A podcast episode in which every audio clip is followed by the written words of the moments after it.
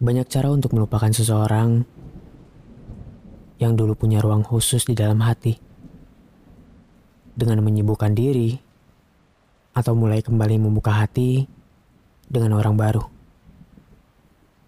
Namun, tak semua orang mampu dengan mudah berdamai dengan masa lalu. Ada yang perlu pulih dalam waktu yang lama, waktu yang singkat, atau waktu yang dipaksakan pulih dengan cepat dengan cara menjadikan seseorang sebagai pelampiasan.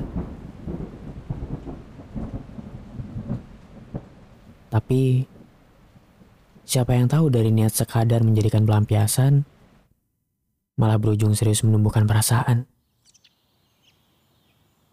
Niatnya hanya sementara, malah jadi ingin terus bersama.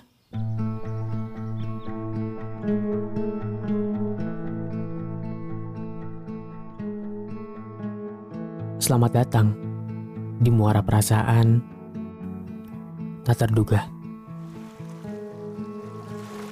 Tempat di mana hatimu yang kecewa tiba-tiba perlahan bahagia karena seorang yang tulus menyelamatkanmu. Dibawanya kamu ke sudut pandang yang berbeda sampai lupa tentang ceritamu yang lalu penuh drama. Hingga akhirnya kamu yakin tentang keberadaannya adalah bagian cerita bahagia. Setelah melewati halaman tak menyenangkan kemarin, lalu dirimu semakin pulih dari keterpurukan kekecewaan hanya dengan melihat senyum dan matanya yang menuduhkan. Lantas, apa kabar dengan niat pelampiasan itu? Ternyata, niat itu hilang entah di mana.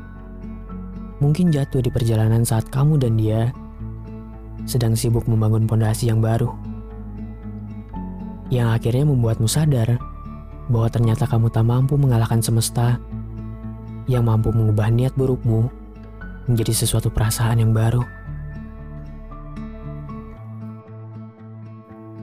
Di ujung cerita, ternyata kamu mampu mempertahankan babak cinta utuh tanpa takut kalau dirimu akan kembali jatuh.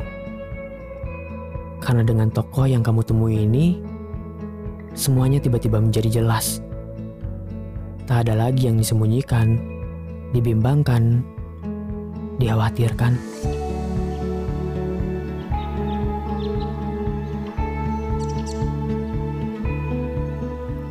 Karena tokoh yang baru ini mau menjalani semuanya bersama denganmu. Dengan niat yang berbanding terbalik denganmu, bernama ketulusan. Maka, Apakah pelampiasan adalah jalan terbaik untuk memulihkan luka yang lama? Sepertinya mengikhlaskan adalah cara terbaik untuk menerima. Menerima bekas luka yang ada. Karena luka yang sembuh tetap akan ada bekasnya. Walau sekadar dalam bentuk ingatan.